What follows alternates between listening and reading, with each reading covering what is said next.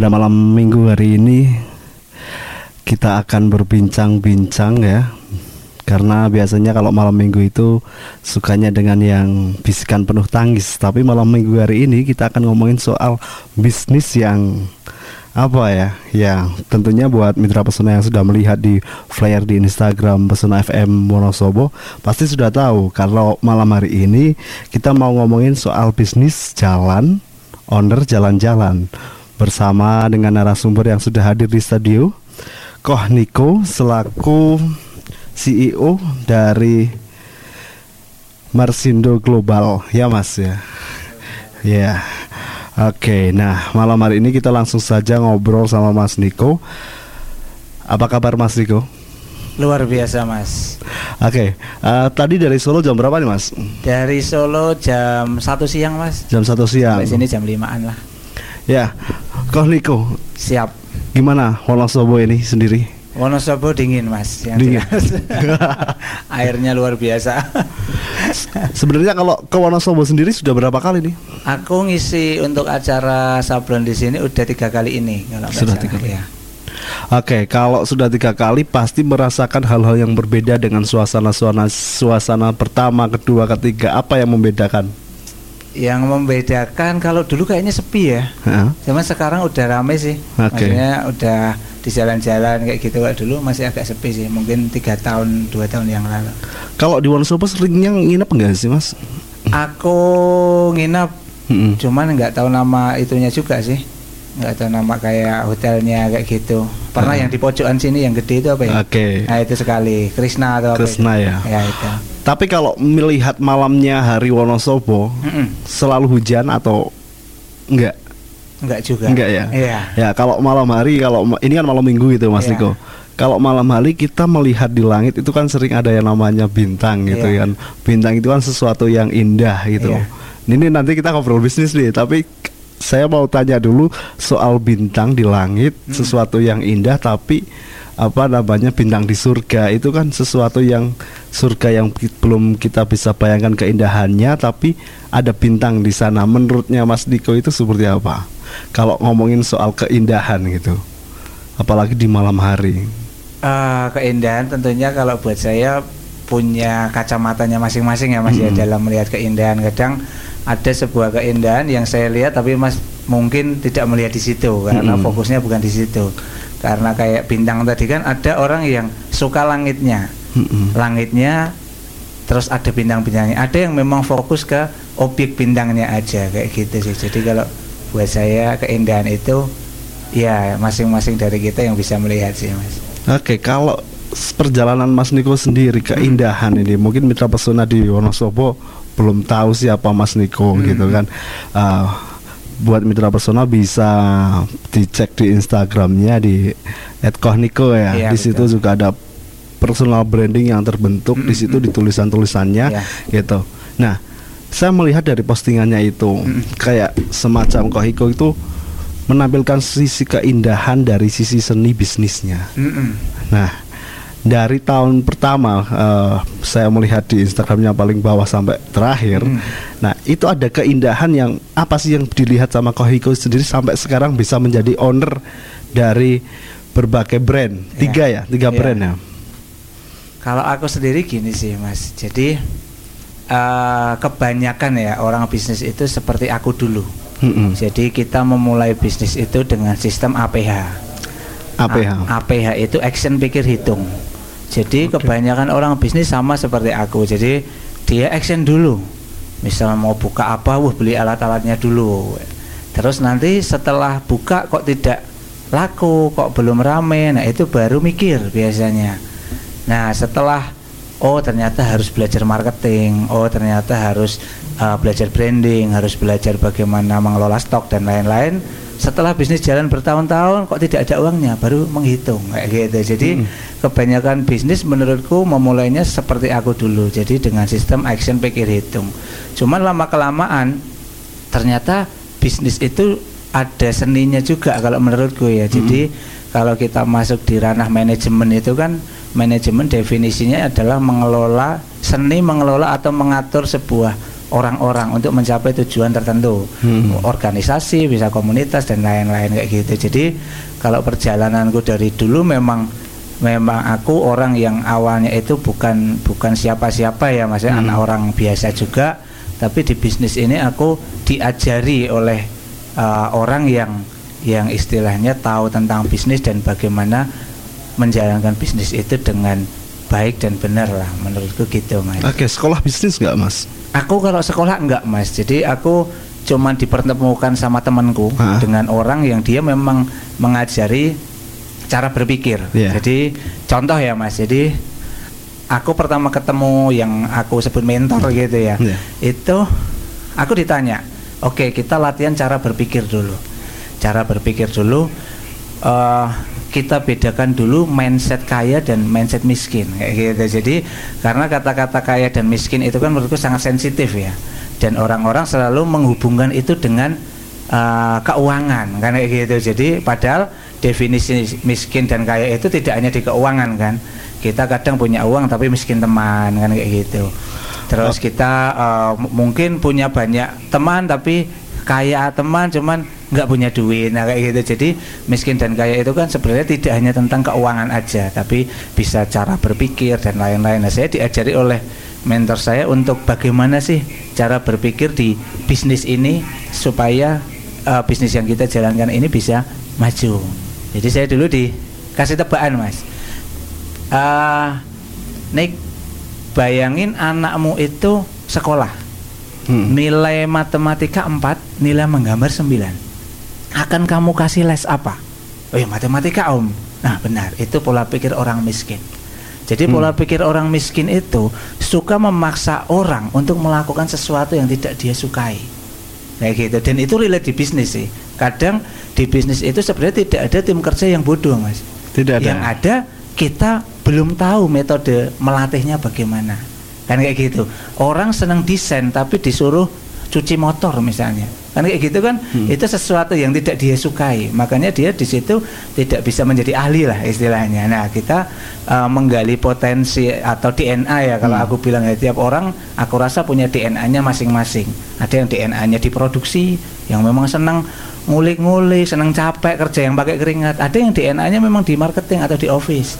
Jadi memang senangnya dia desain atau marketing atau CS kayak gitu kan. Jadi nah bagaimana kita menemukan DNA uh, orang-orang yang ada di sekitar kita ya apalagi di bisnis itu dan mengasahnya supaya dia semakin mahir di DNA-nya itu sih. Oke, manusia itu kan dikaruniai dikaruniai tentang apa namanya uh, visabitul khairat atau sering berlomba-lomba dalam kebaikan Iya, gitu betul. kan.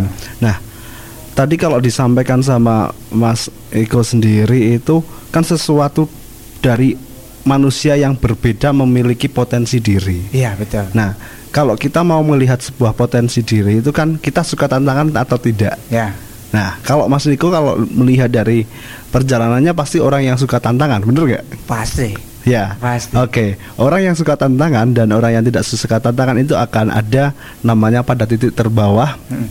yaitu ada kecemasan atau kegelisahan Ya. dan ada namanya ini ya eh, apa namanya kebahagiaan. Ya. Tapi dua-duanya bisa jadi ujian. Ya, betul. Nah, tetapi ketika melanjutkan perjalanan untuk mau mengejar sesuatu, Mm. itu ada trigger Mm, mm, mm. trigger untuk dirinya sendiri. Ya. Nah, triggernya Mas Iko sendiri apa?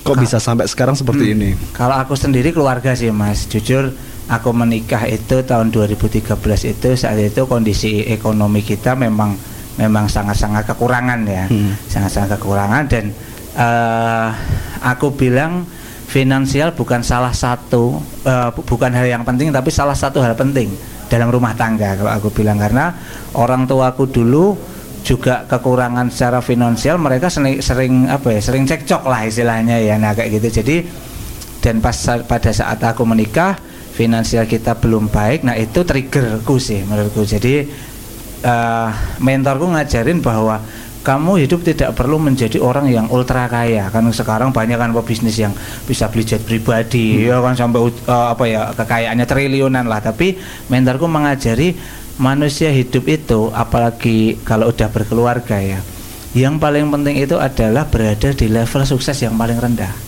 Hmm. level sukses yang paling rendah itu apa? Adalah semua yang kamu dan keluargamu butuhkan bisa kamu beli. Oke, arti sukses buat Mas Niko itu sendiri apa? Kalau aku ya itu. Jadi ketika semua yang aku dan keluarga aku butuhkan ada dan bisa aku beli itu sukses. Karena eh, aku sendiri kayak di anak udah lengkap mas. Hmm. Anak cowok cewek punya. Oke. Kan kayak gitu. Jadi rumah punya, pekerjaan juga punya. Nah kayak gitu menurutku sudah sukses di di rata-rata ya, average ya. Jadi kadang ada orang yang sukses di finansialnya doang, tapi nggak punya anak juga ada kayak gitu. Tapi kalau aku menurutku di bagian-bagian hidup kayak sosial, sosial aku juga udah bu- bukan merasa ya, tapi sudah mem- memberikan yang cukup baik lah untuk untuk masyarakat di tempatku ya mas karena aku kan punya program ambulan gratis Ambulan Iya, gratis. jadi ya. itu aku operasional sopir bensin itu dibayar dari perusahaan. Terus ah, untuk keluarga juga juga sudah ada rumah, terus alat transportasi, semua istilahnya dari sosial, dari ah, pribadi ke keluarga itu sudah cukup lah. Bukan berarti sudah lebih ya, tapi sudah Iya. cukup lah kayak gitu. Artinya punya merasa cukup. Itu penting. Ya, Iya. ya paling enggak di, di tadi mas level yang paling rendah lah. Apa yang kita butuhkan dan keluarga kita butuhkan bisa kita realisasikan kayak gitu. Itu sudah yang paling rendah. Tapi seiring berjalannya waktu juga ingin mencapai eh, lebih lagi juga. Iya. Iya, karena Oke. lingkungan juga berubah kan kayak gitu. Itu yang membuat membuat kita istilahnya apa ya? bi- Bisa dibilang tidak puas lah. Tidak puas ya, dan harus gitu. terus. Ah, ah, Ah. kayak gitu. Apalagi ini kalau ini saya klarifikasi apa benar tiga sebagai CEO tiga perusahaan Hmm, sekaligus. hmm, hmm. Ya eh, bisa dijelaskan mungkin ketiga ini di bidang apa aja gitu. Sebenarnya tiga ini di bidang yang eh, saling berkaitan ya. Mm-mm. Jadi kayak Mercindo itu dia produksi kaos, cuman dia manual Mm-mm. dengan tenaga manusia kebanyakan. Terus kalau yang di PPCP itu produksi kaos juga tapi pakai yang digital. Oke. Iya, jadi marketnya lebih ke retail lah ya Nah. satuan, orang butuh mendadak kayak gitu. Terus kalau di USPS ini kita supplier perlengkapan sablonnya, kayak Oke. gitu, masih berkaitan. Ketiga eh, perusahaan ya Ki, Hmm, yang berkaitan sudah merasa cukup belum atau pengen menambah lagi? Tentu pengen tambah lagi. Pengen tambah lagi. Iya. Oke. Saya kunci nih ya. Iya, nah, untuk marketnya sendiri dari Iya. ketiga ketiga perusahaan ini Hmm. se-Jawa Tengah, Indonesia atau paling besar yang mana nih? Kalau untuk saat ini Indonesia sih, Mas. Indonesia. Ya, Indonesia. Sudah sampai se-Indonesia. Ya, betul. Oke, berarti kan dulunya mengawali ini kan masih kelahiran 90 nih. Ya, betul. Sekarang berarti kan masih muda banget. Nah, tapi Indonesia sudah dikuasai. Ya. Pasti berangkat dari hal yang paling nol. Ya. Oke. Tapi saya tidak akan mengupas itu. Hmm. Tadi sudah ngomong soal perbedaan dan lain-lain. Ya. Nah, perbedaan manusia-manusia yang menurut Mas, Mas Niko itu uh, memiliki perbedaan masing-masing Hmm. buat orang-orang yang mau mengus- mulai usaha atau sudah punya usaha. Hmm. Itu kan pasti punya kebingungan. Ya. Kayak tadi di captionnya mungkin ya Hmm. mau usaha nih buat anak-anak muda bingung usaha Ya. apa. Terus kemudian udah ketemu usahanya bingung uangnya apa Ya. uangnya gimana caranya udah ada uangnya ada idenya terus kemudian pemasarannya seperti apa Ya. pemasaran udah dapat untuk or- apa namanya produksinya nggak ada kasnya Hmm, hmm, hmm. gimana nih menawak menurut Mas Niko sendiri untuk memulai untuk anak-anak muda ini Kalau aku eh, teman-teman muda sekarang menurutku sudah banyak referensi ya, tapi Hmm. dengan banyaknya referensi itu malah menurutku menjadikan mereka tidak fokus ya. Iya. Jadi eh, itu di bisnis maupun di pekerjaan ya. Jadi aku aku ada beberapa tim kerja yang yang kelahiran di atas 2000 ya. Itu rata-rata dari mereka itu bisa tak sebut bahasa bahasa agak kasarnya gitu ya Mas. Ah. Itu kutu loncat. Kutu jadi kutu iya, loncat. kutu loncat. Jadi dia kerja di perusahaan pun kayak di sini kayaknya nggak nemu apa gitu ya terus cari yang lain. Pindah perusahaan. Dan bisnis pun seperti itu. Buka bisnis clothing misalnya. Lihat temennya bisnis makanan misal eh, milkshake dan lain-lain eh, minuman-minuman boba dan kok kayaknya menghasilkan ya? Ini baru buka lima bulan kok udah beli motor baru? Nggak dia tahu beli motornya kan dikasih orang tua atau gimana. Ah. Nah, jadi eh, nggak fokus. Makanya aku pernah dengar Steve Jobs berkata bahwa fokus adalah ketika kita berani menolak sesuatu yang sama-sama menguntungkan. Kita sudah punya sesuatu yang menguntungkan tapi berani menolak yang sama-sama kayak gitu. Kadang kan Hmm. orang jadi bingung kan kayak gitu. Nah teman-teman kebanyakan referensi sih kalau menurut saya ya teman-teman yang muda. Jadi kalau saran saya fokus pada satu bidang dulu. Dan temukan identity dan value-nya dulu mas. Jadi teman-teman itu masih kadang antara identitasnya dengan value-nya dengan skillnya. Kayak ketika seseorang itu membangun bisnis dan gagal Mm-mm. dia berkata saya gagal padahal ketika kamu membuat bisnis dan gagal itu kan yang gagal saya tanya ke dia itu diri kamu atau rencana kamu itu kan tentu berbeda Iya. kebanyakan orang ngejudge sayanya yang gagal padahal bukan Tapi usahanya, rencananya Iya, ya. rencanamu Hmm. yang gagal di bisnis itu Nah. nah, ke- ketika kita sudah salah menilai diri kita sendiri oh saya gagal itu eh, menurutku akan membentuk sebuah sebuah apa ya identiti kita jadi jadi eh, negatif ya Iya. oh nanti mau mencoba lagi jadi takut karena apa dia dia mengira sayanya orangnya yang gagal Kalau jadi Padahal- negatif bias ya. Iya rencananya yang Heeh. gagal nah, kayak gitu. Jadi eh, temukan identity ketika ketika kamu sudah punya identity. Oh saya orang yang hebat. Saya diciptakan tentu eh, untuk menjadi orang yang hebat kan kayak gitu hebat di bidangnya masing-masing yang tentu yang dia sukai juga. Nah ketika membuat sesuatu gagal jangan menyalahkan dirinya, Hmm. tapi Nah, perbaiki rencananya lagi. Kan kayak gitu. Jadi itu menurutku harus dipisahkan dulu sih antara antara diri kita dengan dengan apa yang kita lakukan itu, Mas. Oke. Terus gini.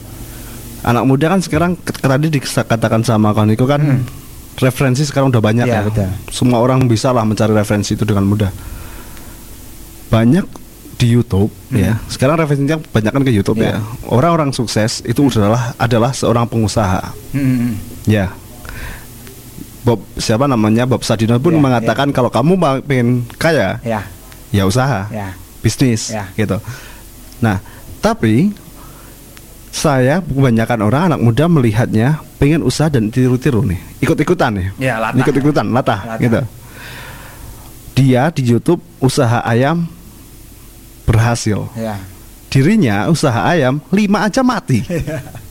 Terus ikut-ikutan mau jadi youtubers, modal sama, alat sama, tapi penontonnya sedikit. Heeh. Nah, apa sih yang harus kita lihat? Apakah kita menurutin ego kita Ya. atau kita melihat pasar kalau mau berusaha, mau bisnis? Jadi kalau aku itu eh yang yang mungkin belum banyak ditahu teman-teman itu ya Mas tentang bisnis itu kan kebanyakan orang, kebanyakan terutama karyawan ya yang ingin berbisnis, dia itu menurutku kurang benar di pola pikir awalnya. Dia ingin berbisnis sebenarnya bukan untuk eh, menambah tantangan tadi yang kita bicarakan ya, Iya. tapi mereka berbisnis supaya dia punya kebebasan waktu kan kayak gitu jadi eh aku kemarin kerja kan ikut orang kalau salah dimarah-marahin mending punya bisnis sendiri. Nggak ada yang marahin. Terus kemarin kerja kalau telat dimarah-marahin juga gaji dipotong. Kalau bisnis sendiri kan bebas kan? Mm-mm. sebenarnya kan nggak kayak gitu gitu kan ya. Jadi ketika kita bisnis sendiri itu ya tetap ada bosnya kare, eh, konsumen. Kan kayak gitu ya. Terus kita juga nggak bisa asal-asalan misal kita suka bangun siang kayak gitu ya. Terus kita tiap hari bangun siang enggak itu enggak di awal-awal. Tapi kalau nanti bisnis itu berhasil itu emang benar. Emang benar. Jadi bisnis yang susah di awal memang membangun sistemnya dulu. Kan kayak gitu. Jadi bisnis di awal itu kita bekerja untuk sistem untuk membangun sistem. Ketika sistem itu jadi sistem akan bekerja untuk kita. Nah seperti itu. Oke, berarti kita melihat sistemnya dulu, ya sistemnya, iya. Diri Nah, kita dulu. Iya, jadi gini. Eh, kalau yang Mas bilang tadi yang keliru di apa ya? Sebenarnya di dalam bisnis itu ada yang namanya BMC, BMC. Jadi bisnis model canvas itu yang belum diketahui oleh teman-teman. Jadi bisnis model canvas itu awalnya adalah apa? Siapa calon customermu dulu? Oke. Kan kayak gitu ya kan. Ah. Siapa calon customermu? Target marketmu siapa? Nah, terus yang kedua kita siapkan value. Value produk kita apa sih? Kita misal sama-sama jual minuman boba ya. Hmm. Mungkin di sana bobanya keras. Oh, tempat kita lebih kenyal kan Riset kayak gitu. dulu. Ah, terus gulanya mungkin lebih ini lebih eh, apa ya organik, lebih ini lebih itu. Nah, kayak gitu. Jadi kita harus meng- mem- mengetahui value di bisnis kita dulu. Nah nanti dari value ini supaya sampai ke calon customer ini kan ada yang namanya channel. Channel itu terbagi menjadi dua, Iya. channel promosi dan channel distribusi. Ya kan. iya. Nah channel promosinya mau apa nih? Offline-nya apa, online-nya apa? Melalui Instagram kah? Eh, lewat Google kah? SEO? Terus lewat Facebook Ads atau apa? Nah kayak gitu. Terus channel distribusinya bagaimana? Kan begitu. Ada bisnis itu yang channel distribusinya harus offline. Ada yang bisa online, ada yang bisa dua-duanya. Contoh nih mas, contoh eh, saya punya restoran mas. Restoran saya itu rasa makanannya itu sangat-sangat enak. Ya kan orang setiap hari datang ke restoran saya untuk makan. Oke. Nah, ketika corona kemarin pandemi tidak ada aktivitas restoran harus buka kan tidak boleh. Ya kan Hmm. awal-awal disuruh tutup semua. Nah, itu ketika value kita tadi makanan yang enak, rasa makanan yang enak, tinggal channel distribusinya kita pindah, bisa jadi online delivery kan kayak Oke, gitu. itu cara pemasarannya. Iya, eh, pemasarannya online, terus distribusi barangnya pun juga bisa Mm-mm. online, delivery kan kayak Iya. gitu. Tapi berbeda ketika saya punya coffee shop, Mas. Coffee shop dengan tempat yang eh, estetik kan kayak gitu ya, dengan tempat yang kekinian walaupun kopi saya nggak enak. Jadi Iya. value saya tempat, Oke. suasana, bukan rasa Kopinya. kopinya. Nah, ketika pandemi saya tidak bisa mengubah model bisnis saya menjadi online, Mas. Karena Karena, apa? rasanya. Orang harus datang untuk melihat suasananya. Kopimu aja nggak enak kok. Hmm. Aku ke sana bukan untuk ngopi, tapi untuk ngobrol sama teman, update-update dan lain-lain. Nah, kayak gitu. Jadi bisnis itu ada eh, kanvasnya, Mas. Dia ada model kanvasnya. Nanti berhubungan dengan key activity-nya, dengan cost strukturnya dan lain-lain. Nah, kebanyakan teman-teman yang bisnis tidak diedukasi tentang itu untuk mengisi itu tadi karena itu berhubungan. Oh channel apa yang mau kita pakai Instagram untuk mengenalkan. Oh yang mau eh, kita pakai siapa influencer A. Sekali story eh, sekali story berapa ratus ribu atau berapa juta. Nah costnya ngejar enggak? Kan kayak gitu karena di situ ada cost yang paling bawah. Nah jadi hal seperti itu sih mas. Teman-teman harus harus memang belajar dari praktisi ya, Iya. bukan dari bukan dari ya mohon maaf ya kadang kalau di YouTube itu ada orang yang mengajari bisnis tapi dia sendiri tidak punya bisnis itu kan Iya. juga lucu Mm-mm. iya kan jadi semacam banyak oh ini ini ini tapi dia bukan praktisi kayak gitu Teori banyak mengatakan bahwa bisnis banyak sekali cara untuk memulai bisnis. betul Tapi bisnis nggak bisa terpaku dengan teori. betul Iya nggak? ya betul Kalau kita ngomongin malam minggu nih buat Mm-mm. anak muda kita masih muda lah ya mas. nah Ya. ya siap Apa sih hubungan bisnis sama cinta atau orang jatuh cinta pasti mas Niko kan pernah.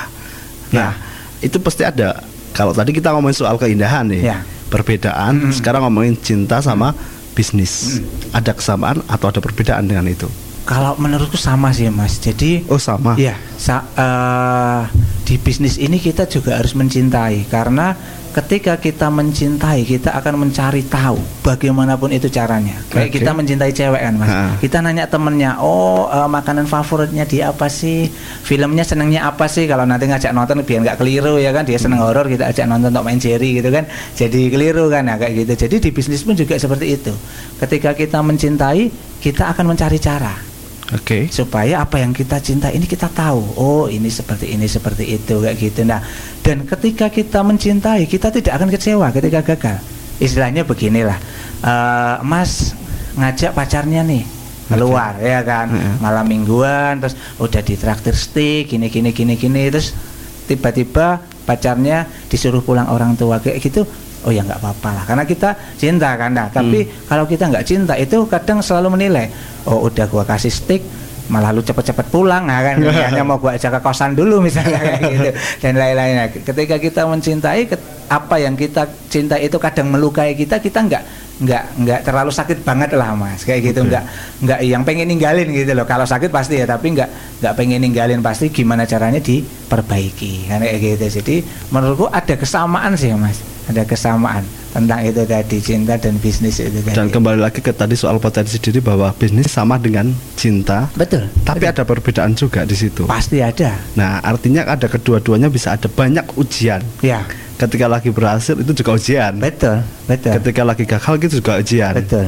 Tapi ternyata kalau dari tadi kita di segmen ini melihat apa yang dibicarakan sama Mas Niko itu ternyata seperti mentor nih. Waduh. Nah, kita akan bahas lagi setelah yang satu ini. Dialog hari ini.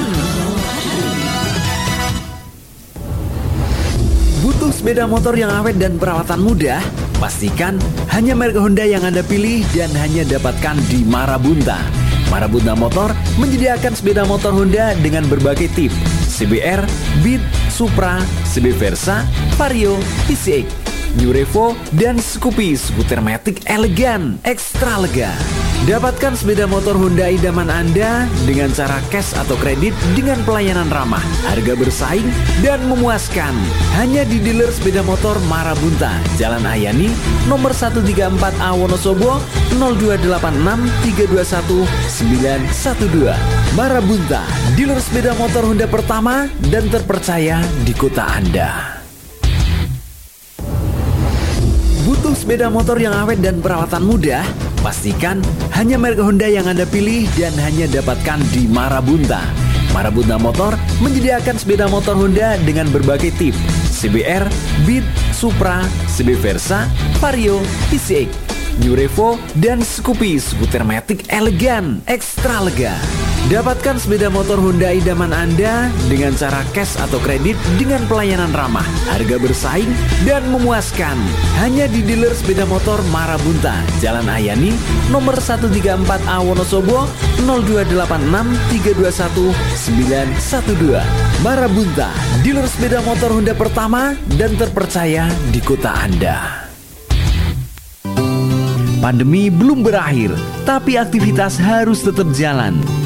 Dan jangan lupa protokol kesehatan tetap dilakukan ya. Sering cuci tangan, selalu pakai masker, dan jaga jarak. Nah, ini dia nih informasi penting bagi para orang tua yang punya anak kelas 6 dan sedang merencanakan sekolah lanjutan. SMP Muhammadiyah 1 Wonosobo sudah membuka pendaftaran peserta didik baru untuk tahun pelajaran 2021-2022. Caranya, silakan orang tua dan anak datang langsung ke sekolah. Di sana akan disambut oleh petugas pendaftaran yang siap melayani Anda. Syarat pendaftarannya cukup fotokopi akte kelahiran, fotokopi KK, dan pas foto berwarna ukuran 3x4 sebanyak 3 lembar. Eits, tidak ada biaya alias gratis. Selain itu, SMP Muhammadiyah juga menyediakan berbagai macam beasiswa. Ada beasiswa prestasi, beasiswa untuk siswa dari keluarga tidak mampu, beasiswa khusus anak yatim, dan bagi peserta program Indonesia Pintar atau PIP bisa terus mendapatkan bantuan dari pemerintah. Serta bagi yang memiliki kakak atau adik yang masih aktif sekolah di sana juga akan mendapatkan keringanan biaya administrasi sekolah. Nah, ada lagi nih. Bagi orang tua yang ingin anaknya sekolah plus mengaji untuk memperdalam ilmu agama, SMP Muhammadiyah 1 Wonosobo sudah memiliki boarding atau pesantren. Sekolahnya dapat, ngajinya juga tidak ketinggalan. Kalau fasilitas dan program kegiatannya tentu sudah tidak diragukan lagi. Karena SMP Muhammadiyah 1 Wonosobo akan terus berkomitmen menjadi sekolah yang bisa memberikan pelayanan terbaik untuk peserta didiknya dan memberi kepuasan bagi para orang tua. Terus yang lebih penting lagi, SMP Muhammadiyah 1 Wonosobo bisa menerima calon peserta didiknya dari mana saja, alias bebas donasi. Sekali lagi, ayo segera mendaftar di SMP Muhammadiyah 1 Wonosobo. Hari ini mendaftar, hari ini juga diumumkan alias one day service. Bagi yang berada di luar kota atau tidak bisa datang langsung, bisa melakukan pengisian formulir dalam jaringan alias online yang tersedia di Instagram @smpmuwsb atau bisa menghubungi panitia penerima peserta didik baru di nomor WhatsApp 082 223097887. SMP Muhammadiyah 1 Wonosobo, Jalan Hasim Asari, nomor 36, Argopeni, Wonosobo. Mewujudkan manusia takwa, berprestasi, cakap, percaya diri, peduli, dan berbudaya lingkungan. Dialog hari ini. Oke, masih di 92,1 FM Radio Pesona Pas di hati. Kita masih bersama dengan Kohiko. Nah, kalau ke tadi kita udah sampai mau ngomongin soal mentor-mentoran nih, Mas. Nah, sebenarnya sih siapa sih yang menjadi mentornya Kohiko? eh ada yang pertama kali aku kenal ya mas Hmm. itu ada seorang pebisnis dari Jakarta jadi itu dikenalin sama temanku Umur berapa waktu itu? Itu mungkin sekitar 2016 ya lima Hmm. tahun yang lalu lah ya. Udah ada bisnis. sudah. Jadi Oke. ya itu selama 2010-an sampai 2016 itu ya hanya stuck di situ saja. Nah semenjak kenal beliaunya itu diajarilah cara berbisnis yang baik dan benar itu tadi. Nah dari kenal itu aku diajarin banyak hal. Terus akhirnya setelah itu mengenal banyak eh, orang-orang lain lagi. Dan mereka itu bukan bu, eh, memang real pebisnis ya jadi bukan orang yang membuka kelas membuka ini karena memang mereka mungkin udah nggak ada waktu ya untuk untuk itu kayak gitu sih mas Oke. Artinya dulu pernah pernah apa namanya bisnis yang tidak benar. Hmm. Bisnis yang tidak benar itu menurut Mas Niko sendiri itu yang seperti apa sih? Eh, bisnis yang tidak benar yang pertama menurutku yang tidak ada target Tidak ada target. Ya, jadi kita melangkah bisnis itu tidak pernah diukur mau seberapa jauh yang kita tuj- eh, tujuan kita di bulan ini. Hmm. Kalau nggak ada target, istilahnya eh, seperti orang nggak ada goalnya gitu ya di bisnis itu nggak ada goal targetnya berapa yang harus dicapai itu seperti orang ya kalau main bola hanya menggiring-giring bola aja di lapangan, Hmm. tapi tidak ada untuk itu loh, itu loh bolanya masukkan ke Gawang. ya itu. Bagaimanapun caranya mau disundul mau pakai apalah kan kayak gitu. Nah jadi eh, dia jadi kayak anak ayam nggak ada induknya gitu ya. Jadi dia jadi bingung. Oke. nah jadi istilahnya bisa dikatakan kadang bisnis itu omsetnya sudah tinggi.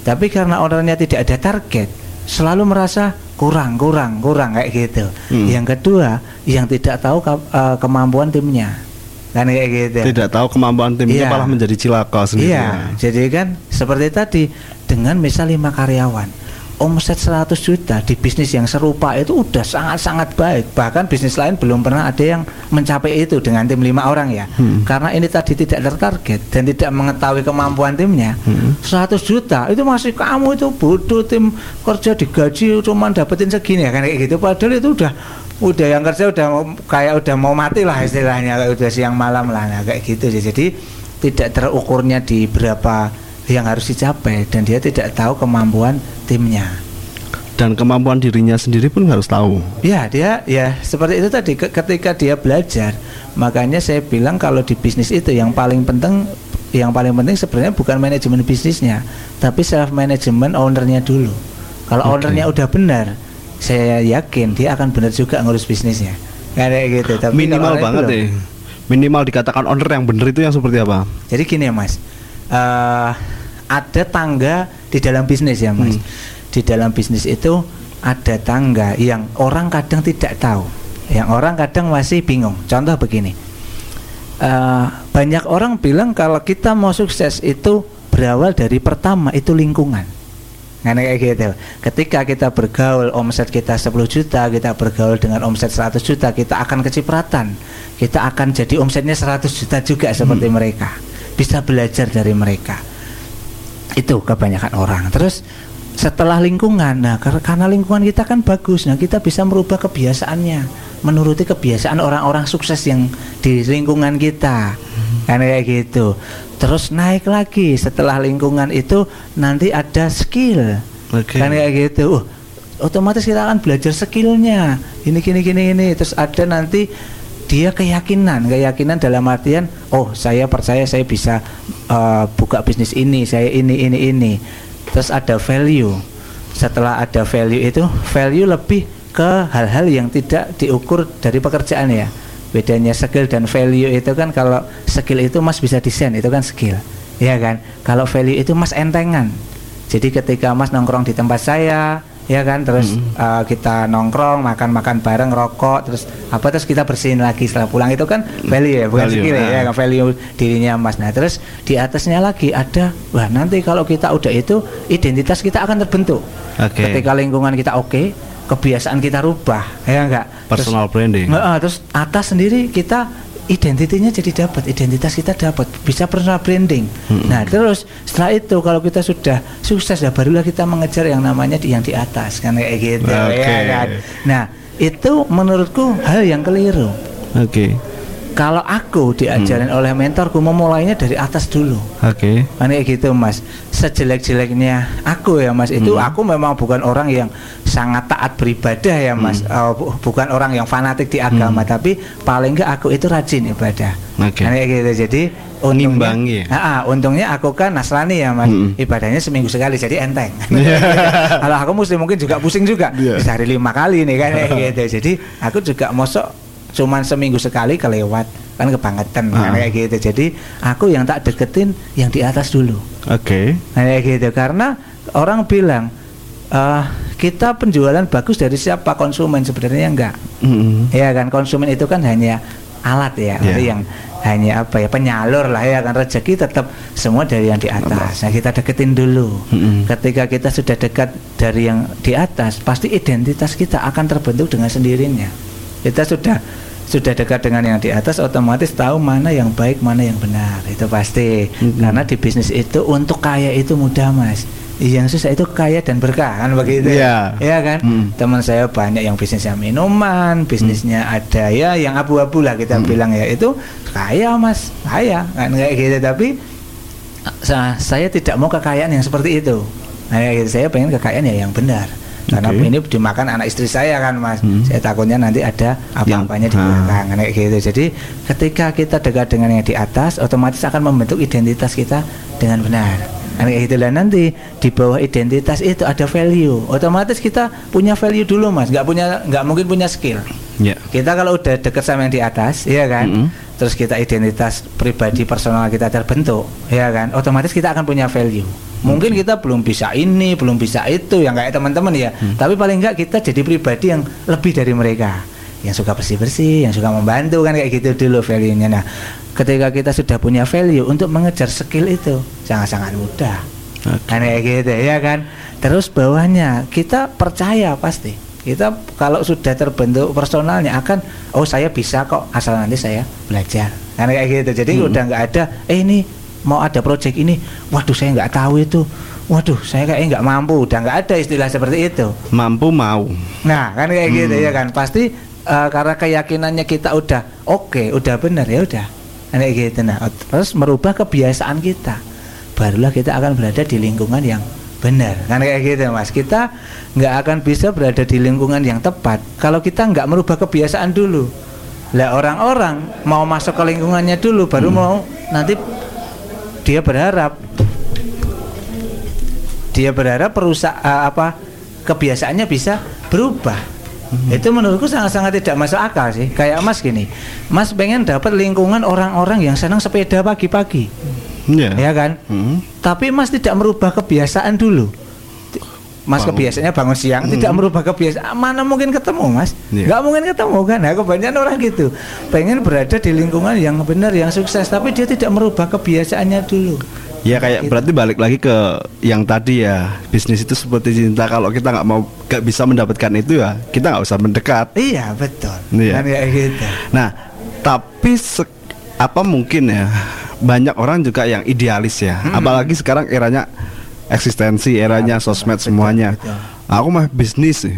ya Ah, kayak bisnisnya kok apik ya. Iya. Kafe yang tadi disampaikan Iya, itu iya, tempatnya bagus. Iya. Wah, terus Bang Sinawang masalah bahasa Jawanya mungkin kayak gitu terus wah kayaknya omsetnya tinggi deh kalau bikin kafe seperti Hmm. itu. Nah, tapi mengesampingkan kayak kalau misal katakanlah ini food, food court, kafe ya sama bakul kalau di Solo itu kan yang jualan kayak kristal itu es es Ya, batu ya, es ya, batu ya. itu itu kan berakar dari yang kecil. Ya betul. Melihatnya itu apakah dari sisi tampilan dari bisnis-bisnis yang besar ini sama yang bisnis kecil itu ki- kita itu harus ins- apa ngasah instingnya kalau bisnis ini lebih besar itu apa yang harus kita lihat. Kita kan orang yang masih riset itu di Ya, ya, luar ya, ya. kita nggak mungkin nggak tanya sama si ownernya Ya. omsetnya per hari berapa itu kan nggak mungkin. Ya. Apa yang kita lihat itu Kalau aku ya itu sih mas. Jadi pentingnya seorang mentor ya. Mm-mm. Jadi kita harus punya relasi orang-orang yang sudah memang menjadi praktisi bisnis. Oke. Kayak gitu. Jadi aku dulu memulai bisa kenal dengan orang-orang seperti itu juga dari bukan bukan dari tahu-tahu mereka kenal gitu kan juga nggak bisa mas siapa lu kan kayak Hmm. gitu mereka bilang jadi ya dari melayani dulu ya seperti yang saya bilang tadi saya bisa kenal karena saya itu mau oh teman saya ini punya teman bisnis oke nih. Saya saya terus mas. Bro kalau nongkrong nanti aku ikut ya tak setirin bro nggak apa-apa gini lah kayak gitu. Terus pas nongkrong eh, diajak kesempatan dikasih kesempatan untuk nongkrong dengan mereka aku kasih tawaran bro aku mau beli rokok kamu nitip sekalian nggak? Kayak gitu. Jadi mereka kan merasa oh kalau nongkrong ngajak orang ini orang ini yang mau repot. Kan kayak gitu kebanyakan orang-orang yang eh, udah punya duit kan malas-malas ya kayak gitu. Yeah. nah dengan seperti itu saya jadi dihafalin mas. Jadi Oke. kalau kita mengukur bisnis kita mau yang pengennya yang gede langsung yang itu sebenarnya disesuaikan aja sih. Dan harus banyak-banyak referensi itu tadi. Tentu kalau kita tanya ke orang berapa omsetmu? Berapa Hmm. pengeluaranmu? Nggak mungkin dikasih tahu. Iya. kan itu Hmm. pasti ya kan? Tapi sebenarnya kita bisa mencari cara mas kayak aku sering misal ke coffee shop temenku Hmm. kan aku nggak tahu ya gaji barista berapa Hmm. pas pesen gitu ya tak tanya wah enak ya mas kerja di sini ya mas enak mas memang saya seneng seneng apa namanya ngolah kopi jadi Hmm. barista emang passion saya terus saya tanya wah gaji dua kali UMR nah mas gede nah kayak gitu kan itu yang memancing terus Hmm. dia olah mas mas UMR aja nggak ada kok. Nah, oh kita udah tahu UMR Solo itu sekian dia nggak ada UMR tapi kan ya paling nggak 70% dari UMR kan ada tuh mas. Hmm. ya segituan lah. Nah kayak gitu oh berarti gajinya sekian nah kayak gitu. Jadi sebenarnya hal seperti itu bisa kita nanya sih. Tapi dengan cara-cara yang tidak langsung. Ya. kalau ke ownernya pasti akan menutup-nutupi itu pasti. Tapi ke timnya kayak gitu. Jadi bisnis itu aku aku simpulkan ya. Jadi bisnis itu tul- eh, terbuka tapi jangan telanjang kalau kita jadi Hmm, owner ya iya. jadi kita terbuka sih ditanya omset berapa oh ya sekian tapi jangan telanjang kan kayak gitu serang balik nanti Nah, ah, kan kayak gitu. Nah, terus kalau di dalam menggali informasi di tempat kami ada tim namanya R&D ya, Mas. Eh, Research and Ya. Research and Development. Nah, Jadi tim R&D kita itu, Mas, untuk mencari satu supplier, Ha-ha. itu kadang kerja di tempat orang itu, terus kadang bayar, Mas. oh berarti Iya. Eh, main masukan-masukan dulu Iya, kayak Ha-ha. gitu. Terus kadang gini, oh kita pengen tahu ya kompetitor kita itu supplier produk A-nya dari mana. Ya kan, dia belum buka lowongan nih, kita nggak bisa masukin orang ke sana. Kita cari tahu orang gudangnya itu. Saya suruh orang R&D saya tempel mas, suruh ngajak makan ini ini terus ya mas kalau kamu kasih tahu eh, produk A ini suppliernya dari mana, tak kasih sejuta mas. Kayak gitu. Jadi sampai seperti itu untuk menggali informasi. Saya jadi teringat film SpongeBob yang jadi itu ya si siapa yang eh, yang kecil itu yang mau Plankton. ya plankton yang mau mencuri resepnya sih Iya, itu betul, kan. gitu mas jadi memang memang apa ya usaha itu saya lakukan mas dulu sebelum kita punya uang buat nyokok nyokok kayak Hmm. gitu itu kita eh, istilahnya membuntuti mas jadi ada oh ada truk masuk ke kompetitor saya keluar saya gini oh dia dari pabriknya sini akhirnya besok Ah. datang kayak gitu mas Berarti artinya ketika mau bisnis, misal bisnis pakaian ataupun apa pun Iya. nggak tahu kulaane nang ndi gitu. Iya, iya. Caranya bisa melakukan itu Iya. atau bisa nongkrong di pelabuhan ya, Mas. ya nunggu barang datang Tunggu barang datang tulis nomornya. Ah, Oke. Nah seperti itu sih mas. Jadi ya kalau kalau saya bilang kalau di bisnis itu eh, tulus seperti merpati, cerdik seperti ular kan gitu. Artinya? Mas. Ya kita memang kadang membantu orang itu kan tulus mas. Kayak saya gini, Ah. saya di industri saya ini saya pasti akan mengajari orang yang saya ajarin Oke. itu bisa naik level. Tapi saya tidak akan mengajari dia untuk melebihi saya itu kan pasti Ya. kayak gitu ya kan. Nggak mungkin saya ajari kasih ilmu yang belum saya praktekkan juga yang saya baru Mm-mm. dapat nih. Iya. Kayak gitu. Jadi kamu harus berkembang tapi di bawah saya. Gitu. Mau nggak mau. Iya, Iya. gitu. Kita juga apa teman belajar pun bersaing. Iya, Ya, seperti- karena ya. tadi balik lagi bahwa manusia itu harus berlomba-lomba dalam kebaikan. Iya, betul. Iya kan. Nah, oke. Tadi kalau kita melihat omset nih ya bisa saya simpulkan berarti kita tidak bisa melihat dari kacamata dari luar saja. Ya, Ya, betul. kalau risetnya ya gitu Hmm. kan. Mungkin kalau yang jualan es sama-sama minuman nih ya, es es orang datang beli pergi, datang beli pergi, datang beli pergi. Harganya sama sama yang di food court. Dia beli satu nongkrongnya berjam-jam. Ya. Makan tempat orang mau datang, wah tempatnya rame nih. Ya. Padahal omsetnya lebih Hmm. kurang daripada yang jualan es batu itu. Betul. Ya. Betul.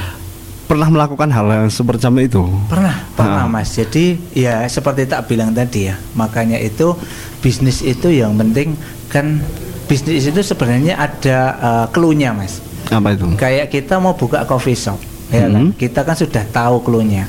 Ada yang namanya SRP. Apa? SRP itu uh, suggested retail price kan kayak gitu. Oke. Kita mau buka coffee shop misal kayak di Wonosobo apa Mas? Coffee shop yang oke Hmm, lah yang katakanlah yang kekinian. ASIA lah. Hah? Ah, katakanlah, si A ya. ah. Oh, oke. Coffee shop A. Saya ingin membuat bangunan yang seperti itu. Kalau bangunan kan bisa kita uh, prediksikan. Iya. Ya kan tinggal Ah. Uh, kita undang kontraktor, eh saya mau bikin bangunan seperti itu, meja-meja seperti itu Hmm. berapa. Nah, sebenarnya dari itu nanti bisa kita lihat oh, di dalam bisnis itu di struktur keuangan ada dua jenis biaya, Mas. Oke. Yang pertama adalah fixed cost, biaya Hmm. tetap. Yang kedua adalah variable cost. Kan kayak gitu. Oke. Ya kan? Nah, kita membuat target ya. Eh, sorry, eh, ini mungkin kan pendengarnya kan global nih. Iya, iya. Nah, bahasa bahasanya mungkin bisa di lebih sederhanakan. Apa itu variable cost Iya. dan ini ya? Jadi gini, biaya tetap atau Hah? fixed cost Hah? tadi itu biaya yang kita keluarkan ada dan tidak adanya pesanan atau penjualan. Oke. Contoh gini Mas, Mas mau bikin coffee shop tadi kan, Hmm. kontrak tempat setahun 12 juta. Berarti ada yang namanya biaya beban pasti satu juta per bulan. Ya. Meh kamu nggak ada pesanan ya tetap bayar kan Mas? Ya. Kan kayak gitu. Hmm. Ada yang namanya biaya variabel. Biaya yang kita beli ketika ada pesanan ya, bubuk kopinya lah, gulanya, Hmm. gelasnya dan lain-lain kan kayak gitu. Nah, kita bisa hitung berdasarkan biaya tetapnya dulu. Misal saya, oh biaya yang saya bayar setiap bulan itu yang pasti ya mas, sewa satu juta, Mm-mm. wifi 500, ya kan. Terus untuk listrik, lampu-lampu ini 500 dan lain-lain, sabun dan lain-lain itu 5 juta, ya enggak. Itu biaya tetapnya sudah pasti 5 juta mas.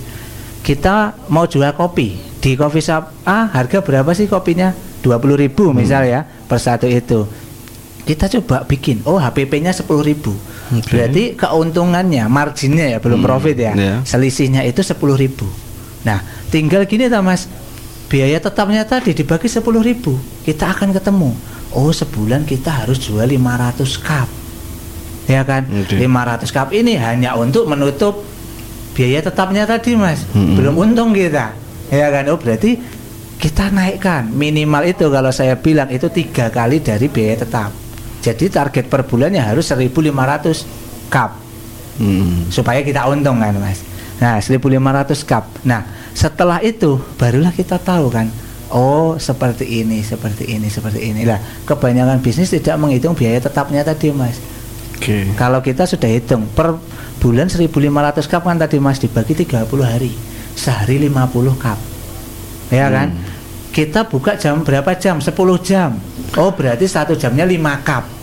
Ya kan? Nah, bagaimana menjual 5 cup itu dalam waktu satu jam? Nah, kan pertanyaan tinggal itu. Kita buka jam 10 jual 5 cup. Nggak mungkin mas Jam 10 itu biasanya belum pada ngopi Kita kasih Kalau beli kopi jam 10 diskon 30% Nah kayak, kayak gitu Jadi itu nanti dihubungannya dengan strategi-strategi pemasarannya mas Artinya eh, kita tetap menghitung dan membagi uangnya, Hmm. uang untuk pribadi, keluarga, uang untuk bisnis. hmm. Katakanlah ini belum punya karyawan ya. Hmm, hmm, hmm. Untuk buat orang apa uang untuk operasional. Ya betul Nah, ketika itu sudah bisa, tapi kan ada faktor X Apa itu mas? yang mungkin kebakaran dan Hmm. lain-lain, Pencurian pencurian.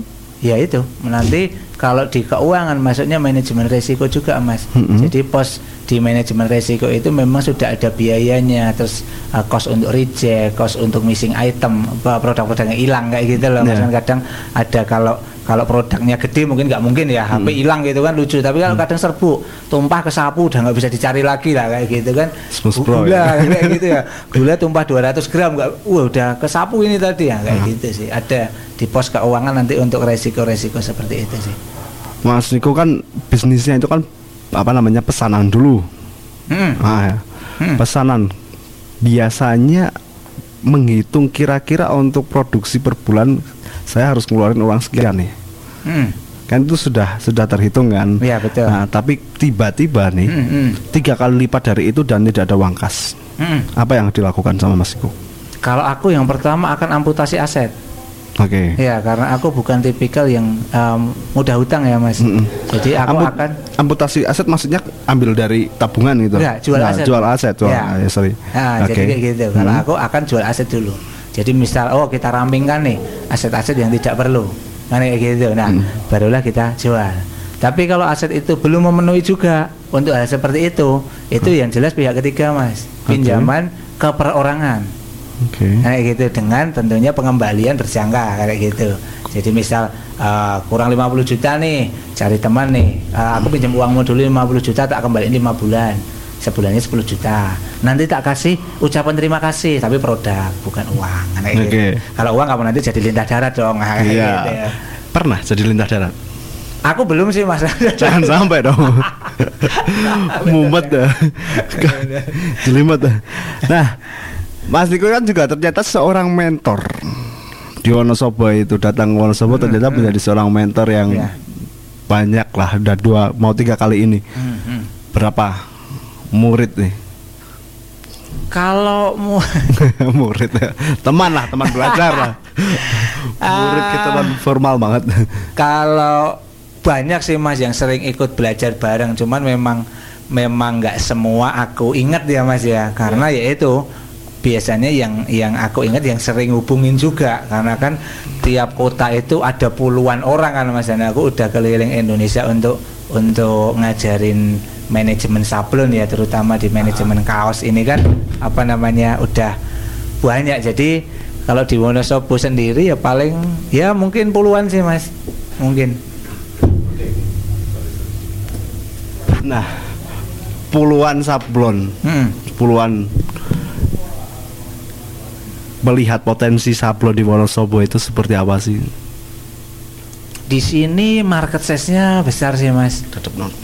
Ya, di gimana? sini market size-nya menurutku besar karena tadi aku baru ke rumah teman tadi yang yang, yang dekat eh, kayak pondok itu ya, Ya. yang di Kali Beber, Kali Beber. ya Hmm. itu itu juga jadi dan di sini wisatanya juga hidup Hmm. terus katanya ada rutin juga yang apa jazz yang jazz di atas awan gunung, ya. itu Ah, nah itu jadi Jazz gunung. nah ah, TCF. ya itu jadi eh, istilahnya di sini juga termasuk destin, destinasi wisata juga kan menurutku di sini market size-nya sangat-sangat besar sih jadi kalau untuk teman-teman di sini kalau nggak pas pandemi ya Hmm. pasti kebutuhan kaos banyak kalau di sini Oke, artinya pertama tadi saya kata eh Mas Riko katakan ada sepuluhan lebih sablon. Hmm, hmm, hmm, hmm, hmm. Pak sampai ratusan nggak Mas kalau di Wonosobo? Kalau di Wonosobo mungkin ya, mungkin mas, Hah. mungkin ya puluhan lah, mungkin ya di antara 100 lah mungkin naik turunnya segitu. Nah, kalau melihat potensi dilihat dari sisi sektor wisata sama Hmm. sektor eh, Wonosobo kan juga banyak madrasah, banyak komunitas ya, juga ya, itu betul, bisa betul. menjadi daya jual untuk Ya, ya, mereka dep- apa Betul. namanya target pasar ya. Ya, ya. Nah, kalau bisnis sendiri ini lebih spesifik ke sablon kalau Hmm. begitu kan ya. Sablon itu kan banyak sekali apa namanya jenis Hmm. jenis. Hmm. Orang pemula mau sablon dengan budget murah harus beli yang seperti apa? Hmm. Harus bikin yang seperti apa gitu. Hmm.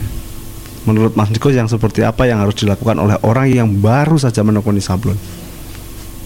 Kalau aku ada sih memang eh, kayak starter pack gitu, ya, starter kit gitu ya. Jadi Hmm. memang satu satu satu paket alat memang untuk orang baru yang memulai sablon gitu ya paling di harga sekitar ya 10 sampai 20 lah yang oke ya walaupun yang 5 juta juga ada kayak gitu tapi aku menyarankan kalau mau memulai sablon di paket yang sekitar 10 sampai 20 sih yang angka segitu kan terjangkau ya Hmm. untuk modalnya dan yang paling penting sebenarnya kalau aku bisnis itu tentang melihat dulu Oke. kan kayak gitu jadi kita kalau mau bisnis sablon harus punya kenalan orang sablon yang udah yang udah di bidangnya itu Ya. caranya banyak mas kita bisa pura-pura jadi customer Ya itu tadi yang di tadi. Iya, ya. kayak gitu. Misalnya mas saya mau pesen tapi mau lihat tempat produksinya, saya itu masih agak curiga atau belum percaya kalau belum li- lihat tempat produksinya. Mm-mm. Saya mau pesen 2000 piece. Ya, pasti kan orang yang punya sablon, Mm. wah oke nih bos besar nih kayak gitu. Ah. Kita datang lihat-lihat dong, oh alatnya kayak gini nih, oh kayak gini ya kan.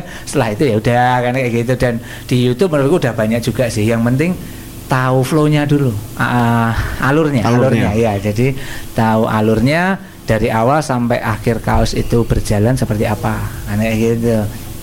Terus yang kedua kalau aku di manajemennya sih mas, manajemen Iya manajemennya ya kalau untuk pemula mungkin rumus-rumus apa ya kayak 5W1H gitu. Heeh, bet- Iya ya, kan? yang, yang sederhana lah ya ah, yang Nah, sederhana. Jadi eh, apa yang mau kamu buka Lakukan. bisnismu ya terus siapa calon customernya kayak gitu kan diisi dulu aja download download kayak apa ya kayak istilahnya banyak lah file-filenya di Google kayak gitu. Kalau referensi-referensi dari bisnis itu ada yang aset, kita tahu diri kita sendiri apa, basic kita apa, Ya. komunitas kita apa, bagaimana Ya, kita kembangkan gitu kan. Betul Nah, kayak gitu. Tapi kan itu tidak bisa men- bisa menjadi patokan, Hmm. tapi realitas selalu berbeda apalagi Ya. setiap waktu. Hmm, Nah, apa yang selalu ditekankan ketika Mas Riko itu mengisi acara seminar menjadi mentor untuk para pembisnis sablon Kalau- khususnya. Iya, kalau aku mengajarkan ke mereka terus bergerak sih, karena eh, bisnis ini kan kayak kita sama aja lagi ada di lautan ya. Mm-mm. Jadi kalau kita nggak bergerak kita ya bakal tenggelam. Nah, itu. Jadi terus bergerak dalam artian begini. Kadang ada eh, seorang business owner gitu ya, yang dia dia sendiri belum belum belum bisa mem- eh, tak sebut profesional ya. Hmm. Jadi dia mungkin masih dia memang senang game ya, tapi dia membuang waktunya untuk game. Game. Nah, kayak gitu lah. Konsisten artinya bisnis itu harus konsisten. Iya, ah, fokus dulu di awal. Memang kita harus mau menunda kesenangan dulu. Itu Oke. harus pasti.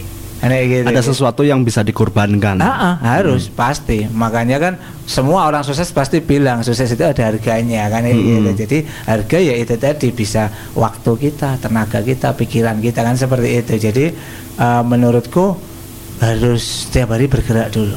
Oke. Cari order lah, cari relasi lah, Oke. apalah kayak gitu. Seperti air yang terus bergerak Nah, lewat celah-celah sampai ke bendung tetap bergerak sampai jebol itu tembok ya. Nah, karena kalau nggak bergerak nggak bisa mas, kan kayak gitu, nggak bisa menunggu gitu loh mas. Kadang kan kita kita itu kadang bisnis gini, kita bisnis A gitu ya, kita berharap orang bodoh terus lewat ke tempat kita, uh ini ada tempat produksi kaosnya pesen 2000 ah nggak mungkin tuh, mas. Nggak mungkin. Ya orang Pasti yang lihat. punya order 2000 kan itu bukan orang bodoh. Kalau orang mungkin pesan satuan iseng-iseng boleh lah kan kayak gitu. Jadi kalau orderan yang besar itu ya harus kita Riset. ya jemput dengan cara yang effort yang besar juga kan kayak gitu nggak bisa kita santuy-santuy tahu-tahu proyek gede datang gitu kan Oke. tidak bisa. Nah, Mas Riko sendiri ini apa namanya juga seneng sablon Hmm. emang dari kecil atau kepepet atau kepekso sablonnya nih bukan bisnisnya nih Ya, ya. sablonnya. Ya. Ha-ha. Kalau awal aku kepepet sih mas. Kepepet. Ya, karena maksudku gini, di lingkunganku itu dulu eh, teman-teman tato ya terutama Iya. ya. Mm-mm. Kita taunya bekerja itu ya kalau nggak kerja di perusahaan-perusahaan gitu ya, kalau eh, buka usaha lah istilahnya ya. Taunya cuma nato, ngecat motor, airbrush, airbrush kayak Iya. gitu kan. Nyablon, ya itu mas. Kebanyakan di Solo Ah, ya. ah, jadi ya taunya itu jadi kayak clothing, kayak Ah. clothing kan wah nggak nggak punya modal lah dulu mikirnya kayak gitu karena harus produksi Mm-mm. nunggu barang laku kan kayak gitu. Jadi sablon itu dulu awalnya eh, bukan bukan passion bukan apa sih ya hanya sekedar untuk ngisi waktu luang aja lah daripada nggak ngapa-ngapain kan kelihatan jelek kan Oke. nganggur nah, akhirnya iseng-iseng nyablon. Yang dilihat dari sablon, kalau tadi Mas Riko mengatakan tidak dari sablon dan suka dari tato atau gambar gitu. Yang dilihat itu gambarnya, itu dari sisi mana? Kalau dikatakan itu siap jual, apakah jenis sablonnya atau desainnya atau apanya? Kalau Awal. kaos ya. Ha, Kaos, kaos, kalau menurutku hanya branding sih mas. branding. Iya, hanya branding kan. Jadi kaos itu bisa laku menurutku ya ada yang memang desainnya bagus, tapi yang paling bikin kita sebel itu kadang yang karena brandingnya. Ya kan? Hmm, oke. Kadang orang bikin desain yang aneh-aneh, Mas. Dia bagus sebenarnya. Tapi kalah sama yang brand yang cuma tulisan set Ya Set, kan, ya. ya kan yang Ha-ha. baru ngehit sekarang nih Kayak ada brand, nah kayak gitu cuman, set, Set, ah. ini font cuman dimiringin itu ya, laku ribuan juga ini lah kayak gitu. Jadi eh, semua ada marketnya kalau aku bilang ya. Nah. Tapi kalau memang kita mau jual, jual dengan margin yang berkali-kali lipat, memang harus branding, nggak bisa hanya marketing. Branding. gitu, Mas. ya, jadi mahal jadi gini mas, kalau kita bikin desain kaos eh, dengan desain gambarnya, misal pemandangan Wonosobo lah ya, misal Oh. ikonnya sini apa gitu ya, kita bisa jual mudah karena marketnya jelas ada kok. Orang Wonosobo pasti pengen beli. Ada orang Wonosobo yang lagi ngerantau nih di Korea kan pasti ada juga ya yang jadi TKI di Taiwan di mana itu kita itu komunitasnya kan pasti ada komunitas TKI Taiwan Wonosobo atau Nah. apa kan pasti ada kan ya. kita tawarkan mereka mereka pasti beli tapi nggak mungkin kita bisa jual berkali-kali Kali-kali. lipat Satu untungnya kali ya. Iya kan paling Iya. ya ambil margin berapa persen Momentumnya. puluh nah, kayak gitu tapi kalau udah branding mas wah branding itu ngeri mas kalau kita suruh definisikan branding itu ngeri juga. Aku sendiri juga nggak tahu bagaimana caranya membuat brand itu punya nilai brandingnya itu loh mas. Yang cuman tulisan seret. HPP-nya paling bikinnya 50.000 ribu ya mas. Dijual 400.000 ribu. Nah ini dan branding itu sendiri kalau kita nggak bisa mempelajari soal branding kalau kita konsisten malah kita ke branding sendiri Ya, ah, ah, bisa jadi juga. Ah, ada yang Bisa jadi alami, juga. ada Iya, yang by design. Ya, betul. Betul. organik sama- benar. Iya, benar. Kayak gitu. Jadi kalau branding faktornya banyak sih, Mas. Jadi kalau itu mungkin ada yang ngambil kelas khusus branding ya. Iya. Karena yang aku tahu penjelasannya cuma gini, simpelnya kalau marketing itu kita menjual ke orang yang memang butuh barang itu. ini ini ini eh, saya mau ngerasa aneh. Seorang bisnis bisnisman tiga tiga CEO sekaligus tapi nggak tahu branding. Merasa dirinya tidak tahu branding. Iya, Mas. Jadi gini, kalau kayak tadi ya, Mas, Iya. marketing itu kita menjual ke orang yang memang butuh barang itu. Tapi kalau branding itu kita membuat orang yang sebenarnya tidak suka dengan barang ini tapi kita paksa untuk suka. Ya melalui itu. Melalui mungkin influencernya Hmm. ya kan misal Mas sebenarnya nggak suka pakai headset ya tapi Mas seneng penyanyi Indonesia misal siapa ya Eh, hanya Geraldine Anya Geraldine misal artis. Ha-ha. Nah, Anya Geraldine pakai itu. Ha-ha. Nah, kan Mas otomatis, oh, dipakai Anya keren juga ya. Kan Oke. Wah, gue jadi jadi jadi pengen pakai juga nih lah kayak gitu. Jadi kalau branding itu bukan bukan eh, menawarkan ke orang yang memang butuh itu. Tapi menawarkan ke orang gimana caranya dia butuh nggak butuh ini, dia akan suka. Oke. Akan merasa butuh, akan merasionalkan apa ya? eh, Image. Iya, kayak gitu tadi lah. Itu sih kalau menurut gue, Mas. berarti Itu- ketika perusahaannya Mas Iko nggak ke arah itu Kalau aku gini mas, aku eh, lebih ke edukasi. Oke. Jadi brandingku melalui edukasi kan banyak ya kita bisa membranding perusahaan lewat Mhm. eh, influencer, lewat kualitas, lewat pelayanan atau apa. Kalau aku lebih ke edukasi. edukasi Ya, jadi kebanyakan eh, perusahaan-perusahaanku itu bisa berjalan karena aku sering memberikan edukasi ke calon customernya kayak Oke. gitu lah. itu ciri khas bisnisman Solo itu kebanyakan kayak gitu ya bisa jadi bisa Oke. jadi karena juga ada yang dari Solo Mas Arli Kurnia Ah. itu juga dia juga edukator Edukator, juga kan. ya. gitu dia tentang bisnis itu jangan riba ini ini nah Hmm. kayak gitu jadi produknya kedongkrak kan istilahnya seperti itu jadi yang di brand malah dirinya Nah, ah, ah, karena dia senang berbagi sebenarnya ya Ini serius Mas Iko nggak bisa menjelaskan tentang brand itu seperti apa. Tapi ternyata tiga-tiganya itu ngebrand semua kan. ya itu jadi kalau aku se- eh, sebenarnya belum berani sih Belum belum, berani. berani, Hmm. untuk memberitahu bahwa branding itu yang benar gini sih tapi kalau dari versiku mungkin aku berani ya Mm-mm. jadi maksud kalau branding menurutku itu ya eh istilahnya kan gampangnya begini ada teknik teknik di marketing sebenarnya ya marketing itu ada yang namanya ISAS Aisas. Ya, ISIS itu kan attention, Attention. ya udah Ya. interest, search, action dan Action. share kan kayak gitu. Sebenarnya dari nilai marketing itu, nah gimana caranya kita ada brandingnya juga di situ. Kan gitu kayak misal kita mau cari attention orang nih, orang sebenarnya nggak butuh tali sepatu. Kita punya produk tali sepatu, harga 25.000 lah. Hmm. Kalau kita foto tali sepatu ini doang, dijual tali sepatu 25.000 orang mungkin nggak minat mas. Ya kan? Ya apa cuman tali sepatu. Tapi beda kalau kita ada nilai branding di dalam situ. Kita pasangkan tali sepatu itu tadi harga 25.000 ke sepatu Air Jordan yang harga 10 juta. Ya. ya kan? Kita foto RP 25.000 orang akan geger mas itu benar sepatunya 25.000 Iya. talinya mas yang kita jual Hari ini pun saya melihat itu Nah. salah satu produk sepatu iya dijual kurang lebih dari 3 jam 800 p- apa namanya eh, pasang sepatu. Hmm. Tiga jam itu bisa belum ada dua jam lah sudah Iya. habis. Iya, kemarin Solo malah ada salah satu brand Solo sepatu dan clothing ya itu kolaborasi eh, satu menit berapa itu 5000 mas. Nanti Oke. saya kasih tahu Instagram. Itu keren Iya. juga. Nah itu karena dia punya branding sih mas. Dia bisa membentuk apa ya?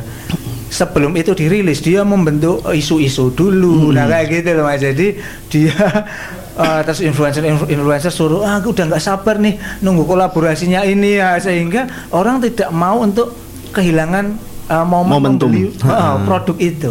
Itu sih nilai dari branding. Jadi bukan bukan ke eh, fungsi ya, fungsi dari produk tapi lebih ke emosi, Emosi. untuk membeli produk itu sih. Itu Oke. sih. Kalau branding tentang emosi itu jelas. Kalau lihat nih di Wonosobo nih Hmm. yang udah pernah dimentorin sama Kak Niko. Ya. Yang paling melejit dia pasarnya di Wonosobo atau justru keluar Wonosobo. Keluar Wonosobo pasti. Loh kenapa? Pasti karena begini. eh ini tentang kembali ke edukasi. ya. Mm-mm. Edukasi itu banyak teman-teman kita itu yang di di kota saya pun di kota Mas.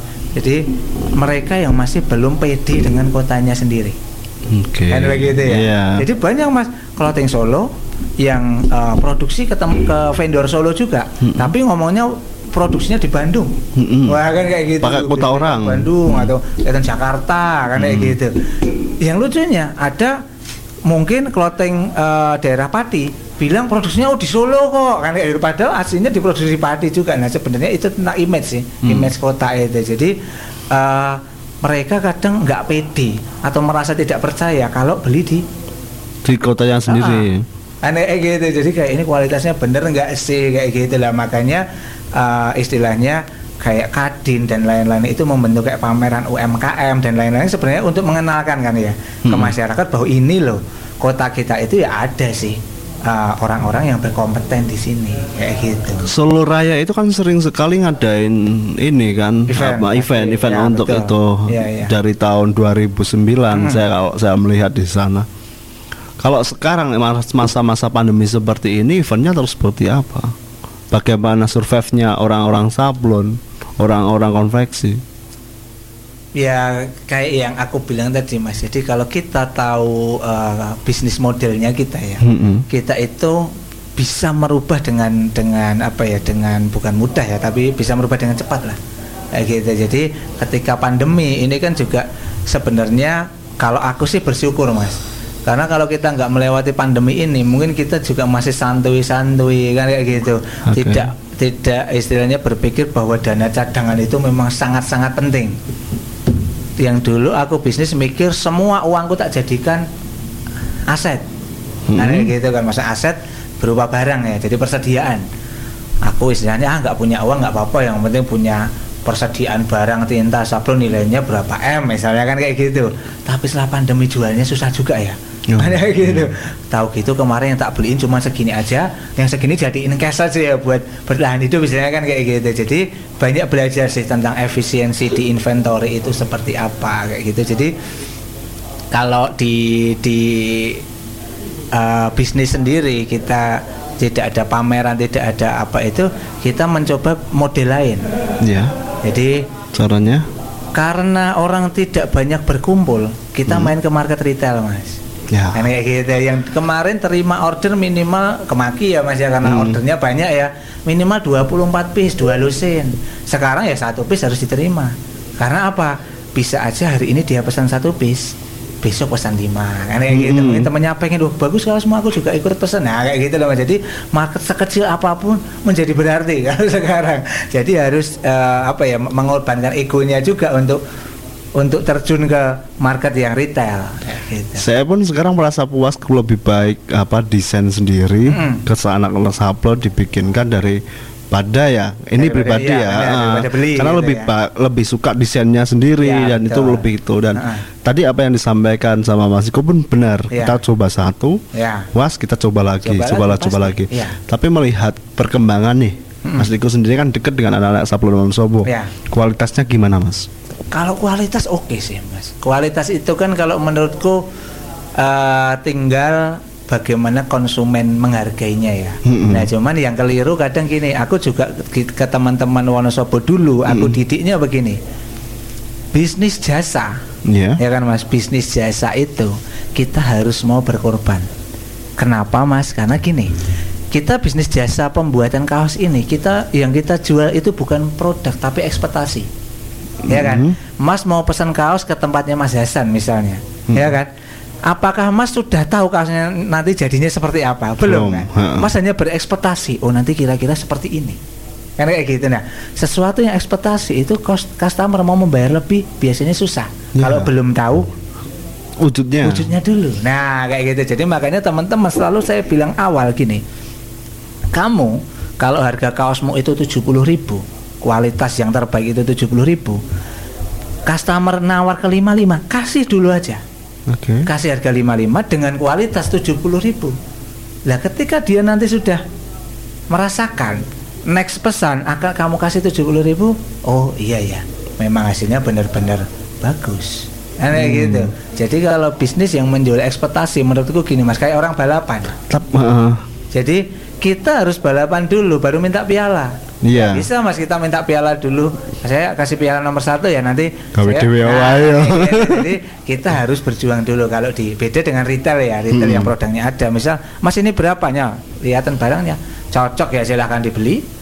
Kalau Kalau tidak enggak- cocok ya sudah kan kayak gitu. Kalau Iya. di bidang jasa kita jualnya ekspektasi itu Ekspektasi. harus, harus berkorban dulu sih. dan bahaya juga ketika kita jual ekspektasi ketika tidak sampean Lah bisa iya. sakit hati Makanya itu kan Ha. kita udah narik tinggi.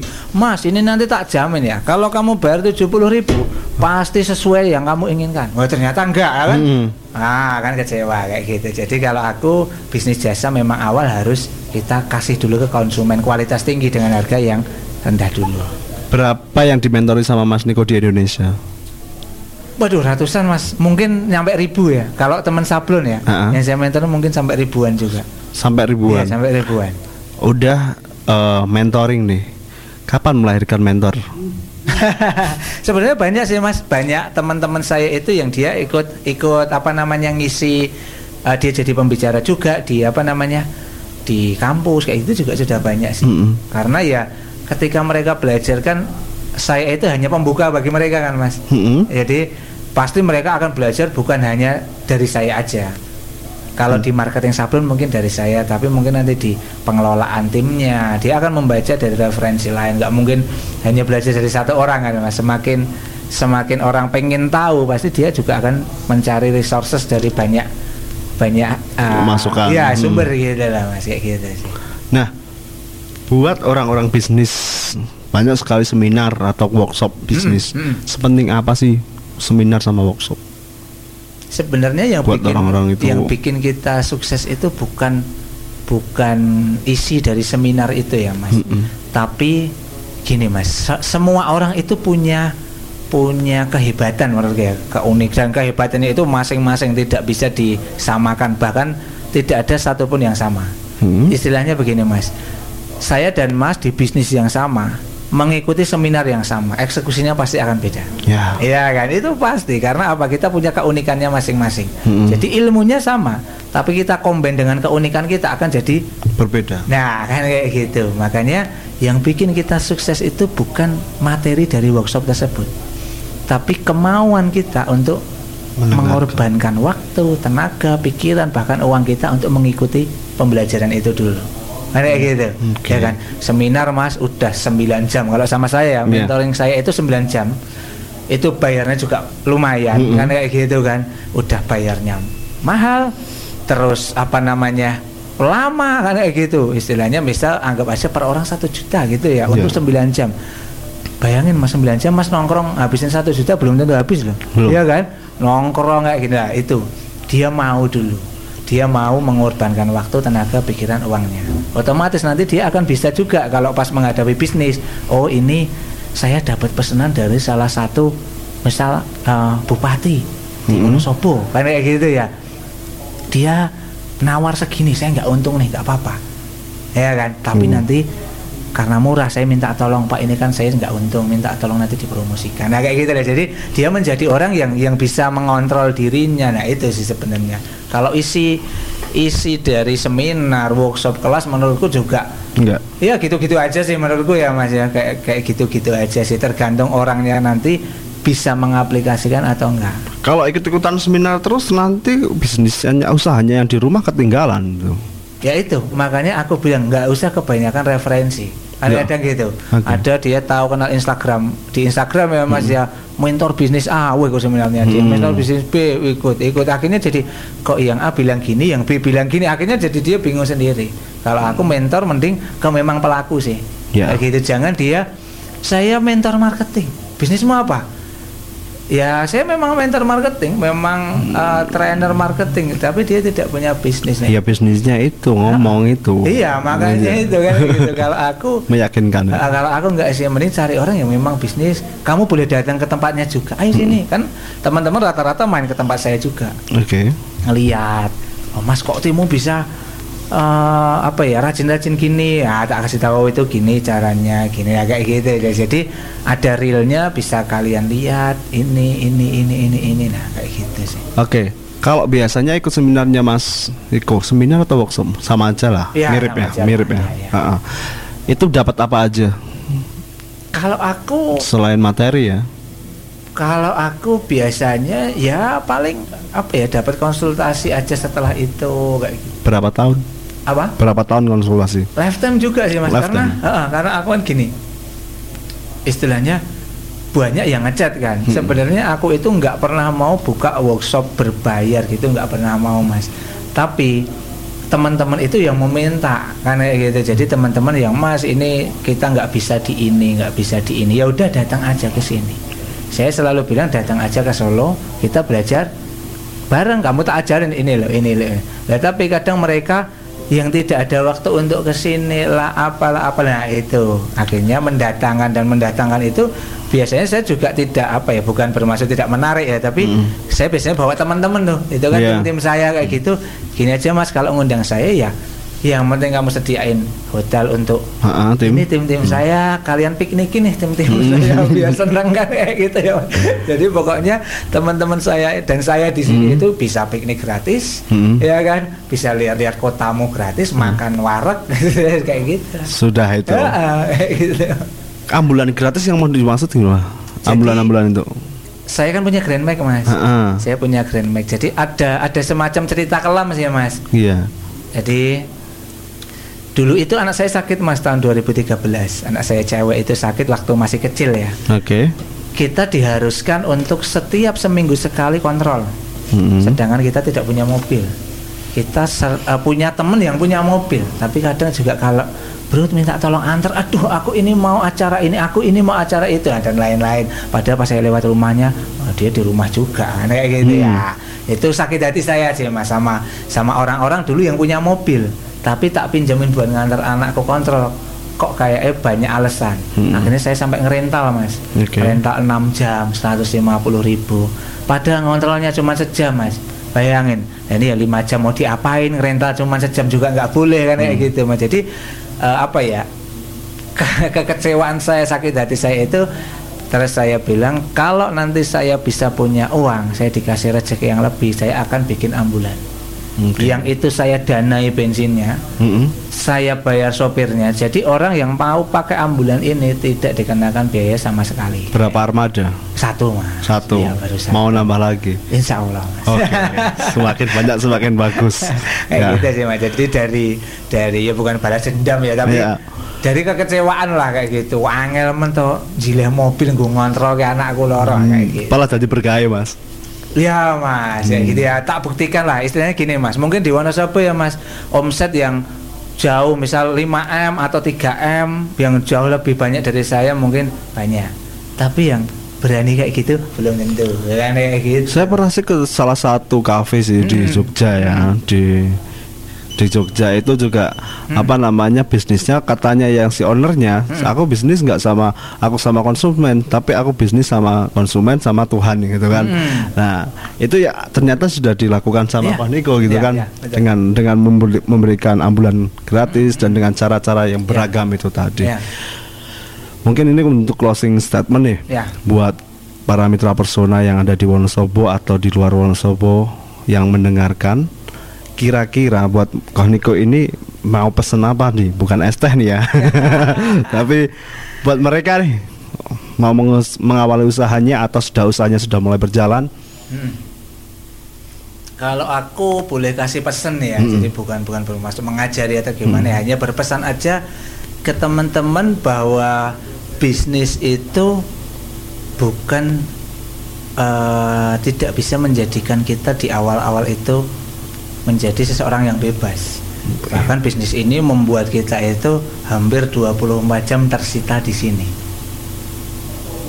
Tapi kalau bisnis ini sudah berjalan, berkembang, bertumbuh, berbuah, ini memang akan menjadi sesuatu yang lebih untuk kita. Dalam artian kita bisa mempunyai waktu yang lebih fleksibel, yang lebih sedikit.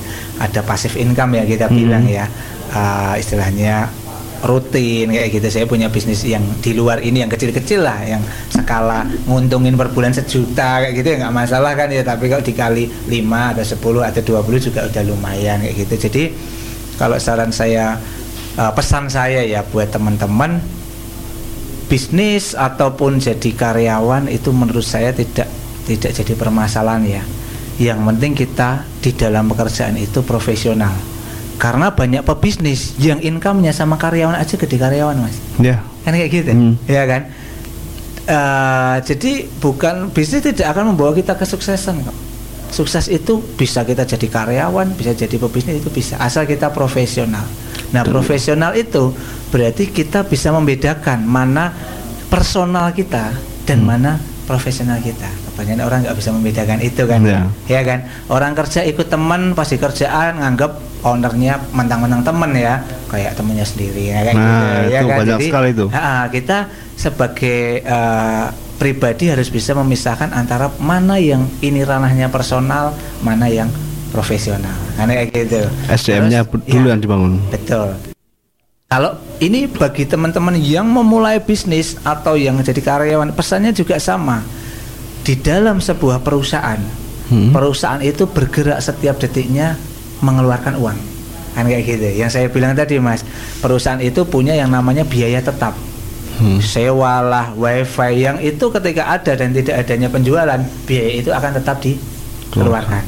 Jadi kalau teman-teman sebagai business owner ataupun karyawan, jangan sampai menggunakan waktu kerjanya dengan tidak produktif. Ya kan? Waktumu harga. Iya, karena itu membuang kos, Mas. Ya kan? Mas misal kerja di tempat saya, saya gaji per hari 80.000 ribu misalnya ya, 8 jam. Berarti sejamnya kan ada kos 10.000 ribu. Satu menitnya ada kos sekitar 100 berapa rupiah lah. Kalau Mas itu pipis satu menit berarti kan saya mengeluarkan uang sebenarnya untuk bayar mas ketika pipis itu nah kayak gitu jadi kamu karyawan ataupun business owner kalau pas di kerjaan jangan sampai membuang waktu untuk hal-hal yang tidak produktif yang tidak ada hubungannya dengan pekerjaan karena korupsi itu bukan hanya uang loh mas Ya, waktu itu kan waktu. juga bisa ya karena itu kita akan dosa juga sih kalau kita korupsi ya namanya korupsi mau uang mau waktu mau apa itu juga dosa nah jadi jadilah orang yang memang tahu di mana kamu profesional, di mana kamu harus memang menampilkan personalmu, Mas. Oke. Ya kan?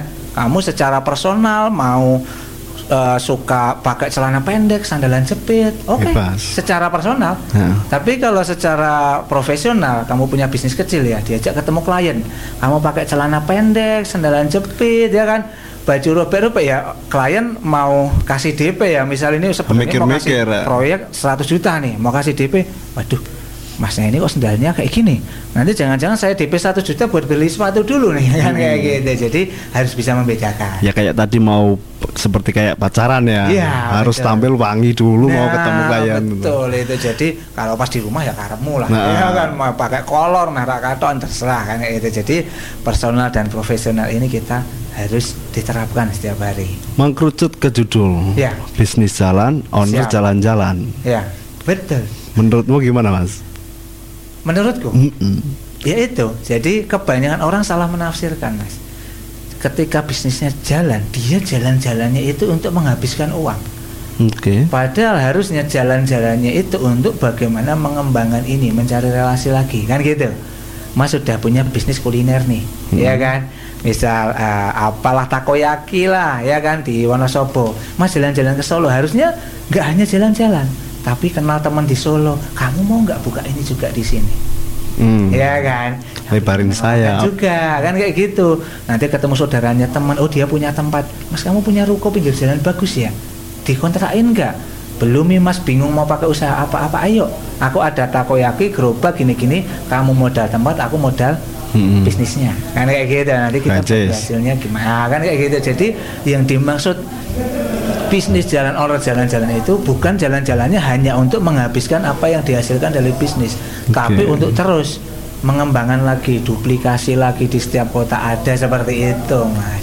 Oke, jadi saya closingnya adalah yang penting lemburan dulu, betul. lembaran dapat, siap. baru liburan. betul. Terima kasih Hiko.